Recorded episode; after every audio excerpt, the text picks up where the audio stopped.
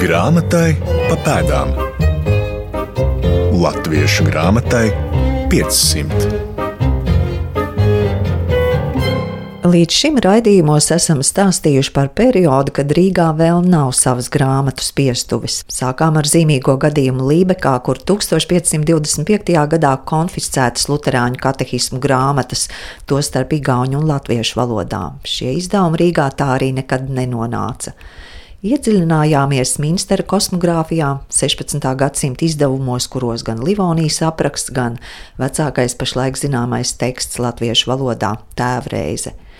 Vecrīgā esam izstaigājuši vietas, kur mītuši franciskāņi, dominikāņi un jezuīti, esam sprieduši, kur varēja glabāties klosteru grāmatas. Arī par vecāko grāmatu latviski katoļu katehismu esam stāstījuši un par citiem nemazāk svarīgiem tekstiem.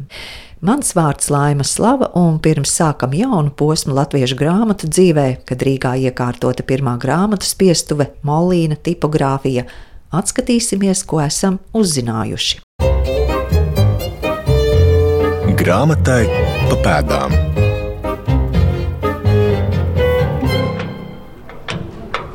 Mani ceļabiedri šajā reizē Latvijas Nacionālās bibliotēkas vadošais pētnieks Gustavs Strēnga un Latvijas Universitātes vēstures un filozofijas fakultātes viduslaiku vēstures profesors Andris Levāns.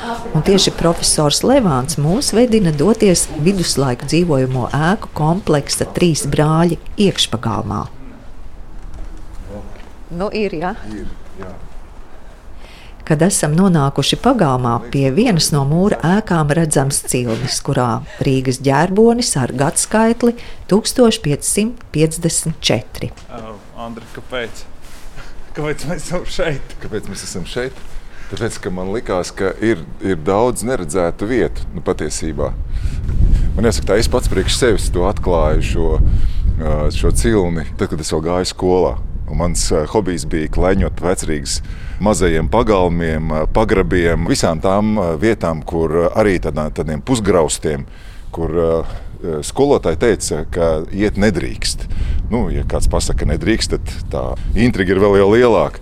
Nu, jā, tas mans hobijs saglabājās līdz tam brīdim, jā, kad es kļuvu mazliet jau pieaugušāks un saprātīgāks, un apzinājos arī briesmas, kas var būt, ja kaut kas uzbrūk uz galvas. Nu, jā, vienā no tādiem klaiņojumiem es atklāju šo, un man tas kaut kā iespiedās atmiņā. Man pat uh, Arvien bija tādi jautājumi, nu jā, kas nozīmē tas 1554 un kāpēc tu, tieši 1554 un, un kāpēc eh, nu šodien jau es esmu gudrs. Es jau zinu, ka tie ir heraldiskie dzīvnieki un ka tas ir Rīgas ģērbonis un šie heraldiskie dzīvnieki fantastiskie uh, zvēri, tur uh, Rīgas ģērbonā, abas sakrustotās atslēgas un ar vācu ordeņa to platgalu uh, krustu pa vidu, kas nu, patiesībā ir ļoti sen atsauc uz Rīgas izcelsmes vēsturi un politisko vēsturi. Bet kāpēc mēs esam šeit? Tāpēc, ka šeit, šī ir viena liekas, no tādām piemirstajām vietām. Līdzīgi kā grāmatas, par kurām mēs arī runājam, visu šī cikla, raidījuma cikla ietvaros, ir piemirstas vai nu daļēji, vai arī pilnībā. Un, uh, mēs sākam stāstīt tos stāstus no jauna. Un, kā mēs zinām, uh, katru reizi šie stāsti izskan citādāk. Man liekas, tas ir tas ieguvums. Bet kāpēc šis cilnis ir tieši šeit? Kas šeit ir atradies? Nu, jā, jau var arī izlasīt. Tas ir no sagrautas ēkas. Jā. Zem cīņa uz plāksnes rakstīts. Rīgas ķērbonis no kādreizējās pilsētas svērtuves mājas rātslaukumā ēka sagrauta Otrā pasaules kara laikā. Te vēl citas vēstures liecības, arī portāla fragments no ēkas, kas tāpat sagrauta Otrā pasaules kara laikā. Man šķiet, jau no 50. gadiem šajās ēkās ir bijis šis te, kultūras pieminiektu trests no sākuma, laikam viņš tā saucās. Un, viņi arī vāc liecības, un acīm redzot, šeit ir pārvietojuši šo Rīgas ģerboni. Bet, Andri, kāpēc 1554? Šajā brīdī man nebūs atbildes. Nu, varētu teikt, tā mēs varētu apspēlēt šo gadu skaitli. Tie ir četri gadi pirms uh, Livonijas kara sākšanās. Uh, vēl varētu teikt, pasaule ir kārtībā, nu, nosacīta pasaule ir kārtībā. Uh, Vācu ordenis Livonijā vēl nav uh, sekularizēts. Uh, vēl ar vienu Rīgas pilsētu un uh, Vācu ordenis atrodas, varētu teikt, tādā ļoti bīstamā uh, un tomēr izturamā un paciešamā saspēlē. Eh, tas vēl ir laiks, kad eh, ar vienu darbojas Rīgas domkapituls. Proti, eh, tā ir katoliska, jeb citiem vārdiem sakot, Romas baznīcas institūcija, kaut gan visapkārt.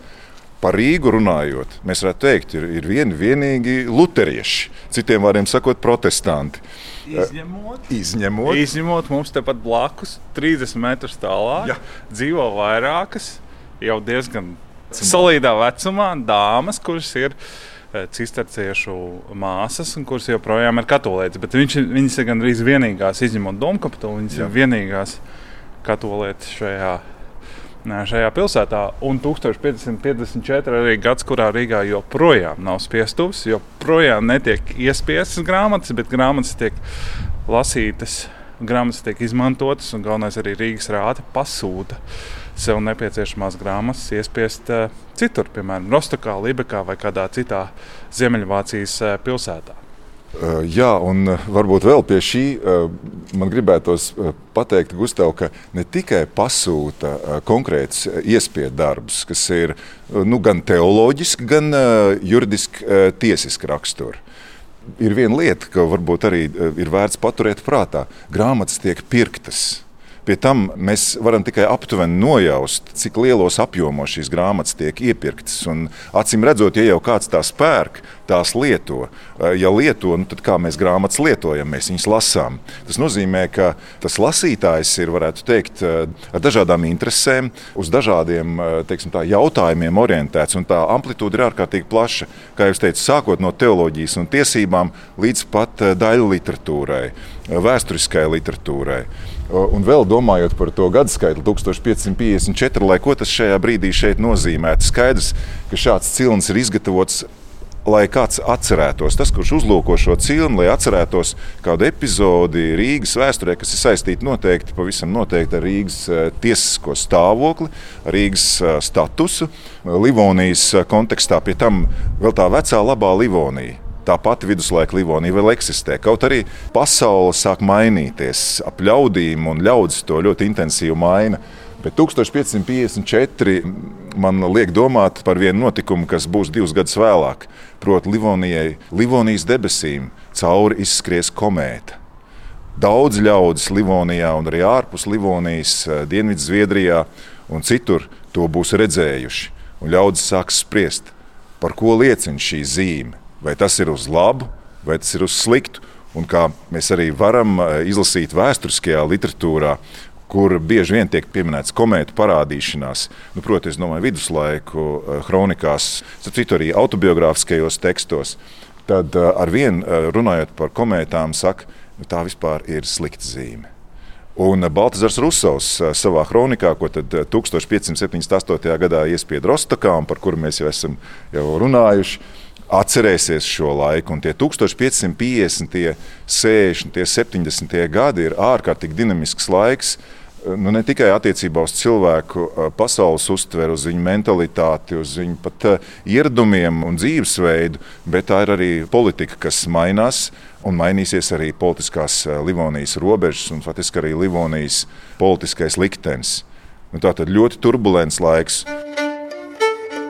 Zīmīgi, ka vecrīgā stāvam pagalmā starp arku, ciļņu un ēku dekoru fragmentiem. Un taisnība Andrim Levānam, ka tā ir vēstures ironija, jo mēs nekad neieiesim tajā ainavā, kādreiz bija. Viss, ko mēs redzam un kam varam pieskarties, ir tikai fragmenti. Man liekas, ir patiešām zīmīgi, ka mēs apzināmies, ka arī tās grāmatas ir fragmenti no kaut kā vesela, kas reiz ir bijis, tas ir izirs, un mēs mēģinām un ieliekam ļoti daudz pūļu un resursu, lai šīs kopainas atjaunotu. Es domāju, ka tas, ko mēs varam redzēt, lūkojoties arī uz raidījumiem par uh, latviešu grāmatu sākumiem, arī Latvijas grāmatniecības vēsturi 16. gadsimtā, 15. gadsimta nogalē, tas, ka viss ir sarežģīti, to mēs redzam. Mēs gan gribam vienkāršot. Mēs Petru Kanīziju pārvēršam par Pēteri. Mēs Martinu Lutheru pārvēršam par Mārtiņu. Tā kā viņš mums kaut kāds kaimiņš čoms, jau tā mēs viņu valkam. Un, diemžēl, arī kolēģi to dara. Mēs tā novienkāršojam visu, un viss šķiet tāds nu, saprotams tīrs. un tīrs. Un, un, bet beigās viss ir ļoti sarežģīti. Mēs zinām ļoti maz, īpaši par latviešu rakstītās valodas un iespiesto tekstu sākumiem mēs zinām gandrīz neko. Tas, ko mēs redzam, tās ir zināšanu druskas, kas ir iegūtas pēdējos 70 gados. Tas arī nozīmē, ka mēs varētu kaut ko jaunu atklāt. Kā man kolēģi saka, varbūt mēs tomēr to pirmo latviešu iespiesto grāmatu, arī igauniski un leģislācijas valodā iespiesto, kuru 1525. gadā konfiscēja Lībekā, varbūt beigās kādu šīs grāmatas eksemplāru var atrast. Jo latviešu reliģija vēsturnieks Haralds Biezais senāko datējumu latviešu rakstīto tekstu Upsals Universitātes bibliotekā atrada 20. gadsimta 50. gados. Tas ir īstenībā salīdzinoši nesen. ļoti nesen. Gluži tāpat arī vienā no iepriekšējiem raidījumiem, kā stāstīja Tīna Kala, Tallinas pilsētas arhīva pētniece, senākā igauniski iespiestā grāmata Vanrāda Kella katehisms. Šie fragmenti tika atrasti iesējumā tikai ap 1925. un 28. gadu. Tas arī ir īstenībā ļoti nesen. Un uh, iespējams, tuvākā nākotnē mēs varēsim varbūt priecāties par to, ka ir kaut kas atrasts vēl no tekstiem latviešu, kuri ir radīti 15. gadsimta nogalē, 16. gadsimta sākumā. Jo ir pilnīgi skaidrs, ka šādi teksti ir bijuši. Un šeit es gribētu varbūt atgādināt vienu lietu, kas ir atkal jau piemirsta, bet ne gluži nezinām. Nu, man jāatgriežas 19. gadsimtā, kad kāds no Rīgas pilsētas bibliotekas bibliotekāriem Antons Buhalts atklāja kādu rokrakstu, kurš šķita tāds apbružāts, necils, neievērojams, vēra vaļā. Ieraudzīja, ka tas ir ar roku rakstīts reģistrs Un viņam diezgan ātri izdevās, pateicoties diezgan labi salasānam rokrakstam, identificēt, no kurienes tas nāk un kam tas pieder. Izrādās, tas ir Svētā Jēkaba baznīcas inventārs datējams ar 1430. gadu. Mēs varētu teikt, ka šobrīd tas tiek atkal atklāts no jauna. Un, eh, ko mēs varam šajā inventārā izlasīt? Mēs varam izlasīt to, ka Rīgas eh, pilsētas pilsoņi, kas eh, pilda aizbildņu funkcijas, un līdz ar to arī varētu teikt tādas pārauga funkcijas, tur arī, starp citu, ir alus nesēja brālības piederīgie, ļoti raiba kompānija, rādskungi un tā tālāk. Un, ko viņi dara? Viņi ļoti rūpīgi šajā reģistrā fiksē to, kas pieder Svētā Jēkabā baznīcai. Tās ir visdažādākās lietas. Tas ir gan liturģiskais apģērbs, ārkārtīgi grezns, tur ir zīts, samts, dārgakmeņi un tā tālāk. Tāpat arī liturģiskie citi priekšmeti, piemēram, monstrāns, kurās tiek glabāts relikvijas, grāmatas. Šeit, ja mēs runājam tieši par grāmatām, un tas varbūt mūs varētu vairāk interesēt, tad to ir nu, apmēram 20. Tur, starp citu, tiek pieminēts kāds ļoti sens pulkstenis. 1430. gadā, kas tiek reģistrēts arī kā Svētā Jākapa baznīcas īpašums. Un atgriežoties tagad 16. gadsimta nogalē, tad, kad uh, Polijas-Lietuvas karalis uh, Stefans Batorijs veidoja dialogu ar Rīgas rādskungiem, un bija, protams, skaidrs, ka ir jāatsāk arī katoļu kādai baznīcai savu darbību, tad bija runa par to, ka Rīgas rātī ir jāatgriež tie īpašumi, kas ir reiz piederējuši Svētā Jākapa baznīcai. Un tad šo atgriezto lietu uzskaitījumā tiek pieminēts kāds ļoti sens pulkstenis, mehāniskais pulkstenis. Un ļoti iespējams, ja mēs ļaudamies fantāzijai, mēs varētu iedomāties, ka lūk, šīs lietas, ja tas būtu tas pats pulkstenis, ja tās būtu tās pašas grāmatas, kas vien, vienā otrā gadījumā arī ir tik tiešām šie paši objekti, kas maina savus īpašniekus, maina savus atrašanās vietas. Un līdz ar to, turpinot Gustavu domu, mēs nezinām, kur šīs lietas beigās nonāk, kad pasauli jūka kopā. Kad iet pilsētām un ļaužu dzīvēm pāri kari, kad eh, ļaužu izpratne par vērtībām mainās bieži vien ārkārtīgi radikāli, kur vienā brīdī viņi ir gatavi kādu lietu pielūgt, nākamajā jau iznīcināt un uh, aizmest. Uh, kur viņi vienā brīdī ir gatavi sev atcerēties līdz pēdējiem sīkumam, otrā brīdī kaut kāda iemesla dēļ viņi ir gatavi aizmirst sevi, mainīt savu vēsturi un vēl daudz ko citu. Šeit es gribētu teikt, ka es nebrīnīšos, un es esmu gatavs derēt. Iespējams, uz ļoti lielu likmi, Tik tiešām gan uh, Nacionālā biblioteka, gan Akademiskā biblioteka, un vēl jau vairāk uh, Nacionālais arhīvs, tepat Slokas ielā, vai arī kāda no šīm atmiņu institūcijām, Polijā, Vācijā, Zviedrijā vai vēl kur citur varētu sagādāt mums patiešām pārsteigumus. Man jāsaka, ka 16. gadsimts īstenībā mēs ļoti bieži cildinām un sakām, atnāk Luters, sākas reformācija, un tas ir grāmatu iespiešanas ziedu laiki. Ir iemācījušies lietot šo te tehnoloģiju, ir ārkārtīgi daudz iespēju tekstu, tādēļ, ka ir dažāda reformācija, ar reformāciju saistīta polemika, bet tajā pašā laikā tas ir grāmatu iznīcināšanas laiks.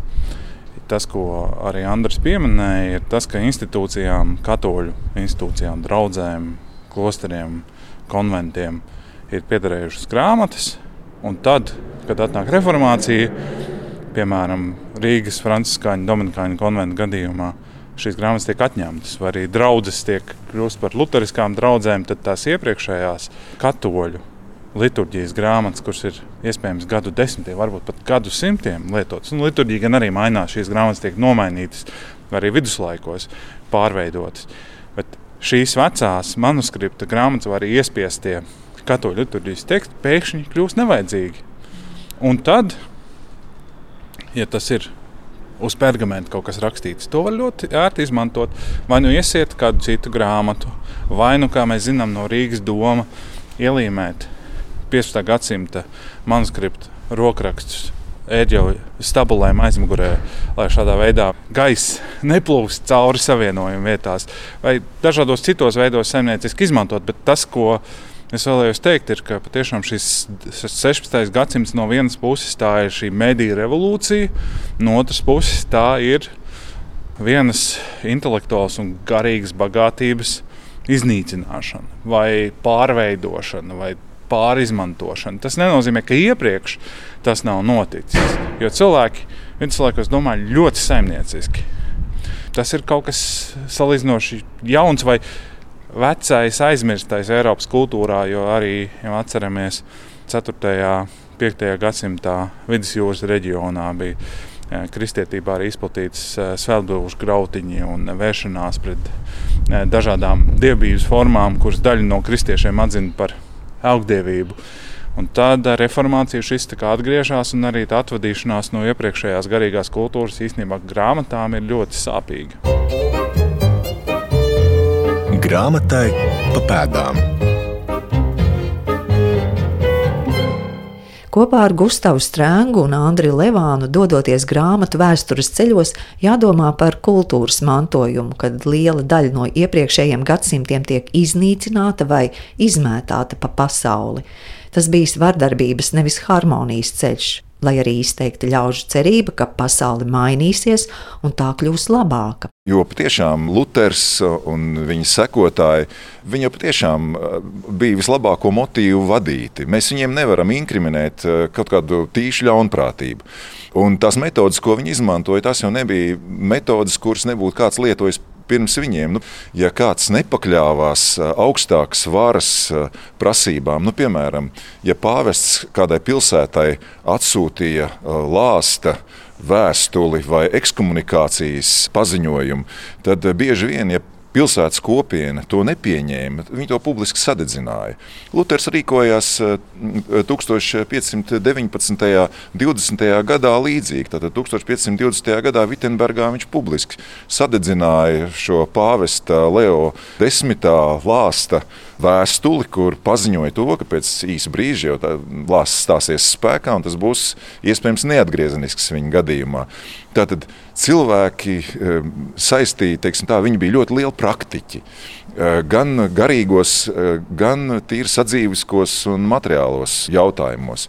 Es gribētu teikt, ka arī grāmatām, līdz ar to arī lūk, šai tekstu pasaulē bija lemts atspoguļot lūk, visas tās darbības, izjūtas, emocijas, arī kultūras prakses, kā piemēram, kā paust, kā vizuāli parādīt rituālās formās to, ka es neesmu mierā, ka es nepieņemšu, ka es nepakļaušos, vai tieši otrādi - es pakļaušos. Es gribu kaut ko atcerēties, es gribu to saglabāt ilgi, ne tikai manā personiskajā atmiņā, kā viens paudzē piedarošs cilvēks, bet es domāju arī par manu kopienu.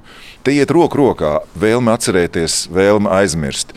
Mēs uzbūvējām to dramatisko ainu, kāds ir 16. gadsimta pirmā puse. Bet īstenībā viss 16. gadsimts gan Eiropā, gan arī e, Livonijā, domājot par to, par reformāciju Rīgā 16. gadsimta 20. gados, tur svētbožu grautiņi, vienu katoļu grupu izraidīšana, tad jauna baznīcas kārtības radīšana un pēc tam Livonijas karš 16. E, gadsimta 50., 60., 70. gados. Un e, tajā pašā laikā tas ir brīdis, kurā radās latviešu valoda kā rakstīts teksts un latviešu valoda arī kā iespiests teksts.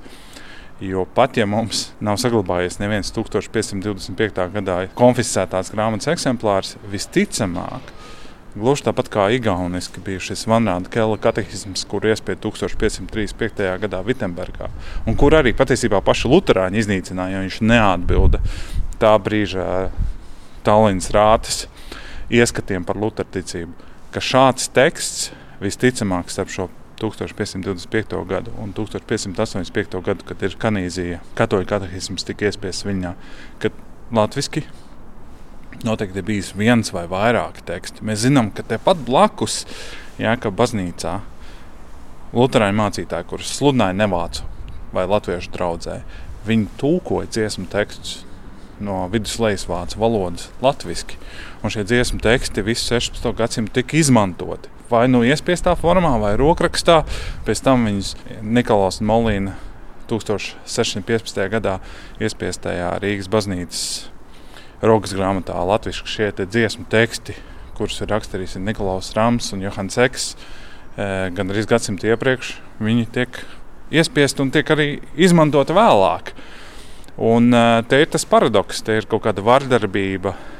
Iepriekšējā laikmeta beigas attiecību noskaidrošana, un te ir arī latviešu valodas kā liturģiskās valodas rašanās, jo pirms tam latīņu valoda ir tā, kurā cilvēki lūdz, kurā ir ir baznīcas liturģija, un tagad arī latviešu.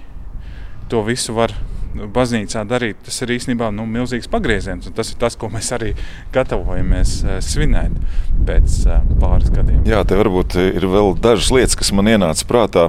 Gustavs pirmie pieminēja uh, agendu, kurā biezais atklāja 20. gadsimta vidū, nu, varētu teikt, sauksim to par tādu kā latviešu pirmvalodu. Mēs šodien datējam ar 1520. un 30. gadiem šo tēvreizes eh, patiesībā tikai fragment. Tas nav pilns tēvreizes teksts. Eh, iespējams, tāpēc, ka šis bija tikai sākums, kā inicium, eh, kuru izlasot, lasītājs jau zināja, kas sekos tālāk. Tad, tad faktiski šī nepilnā tekstā ierakstītā tēvreize liecina par to, proti, ka acīm redzot, latviešu valodas izmantošanas prediķī, latviešu valodas izmantošana liturģijā jau notiek pirms šīs 1520. un 30. gada. Ļoti iespējams, vēl pirms Rīgā sākās protestantiskā reformācija. Jo starp citu, pāvesta kūrijā aizvien uzstājīgāk tika prasīts Eh, jau 15. gadsimta vidū, otrajā pusē, ka ir jāsprediķo tautas valodā. Citu, tas ir eh, tas, eh, varētu teikt, tā panākuma rezultāts, kur lielu lomu ir spēlējis Jans Huss 15. gadsimta sākumā. Un lūk, pie šī atgriežoties šajā pašā agendā, mēs redzam, jo tā ir padomu grāmata, varētu teikt, priesterim, kā ir jānotur dievkalpojums. Tur lūk, šī pati persona, un iespējams, arī vēl kāda, būtu jāpēta. Mums šie pētījumi, starp citu, vēl nav beigušies, domājot arī par šo pagātnes dokumentu ka ir ļoti rūpīgi ierakstīti teoloģiski termini latviešu valodā. Tas nozīmē, ka mēs šajā brīdī piedzīvojam to, ka Dievs mācās latviešu valodu. Citiem vārdiem sakot, ja Dievs līdz tam saprata latīņu valodā, tad tagad Dievs mācās latviešu valodā runāt, saprast, domāt.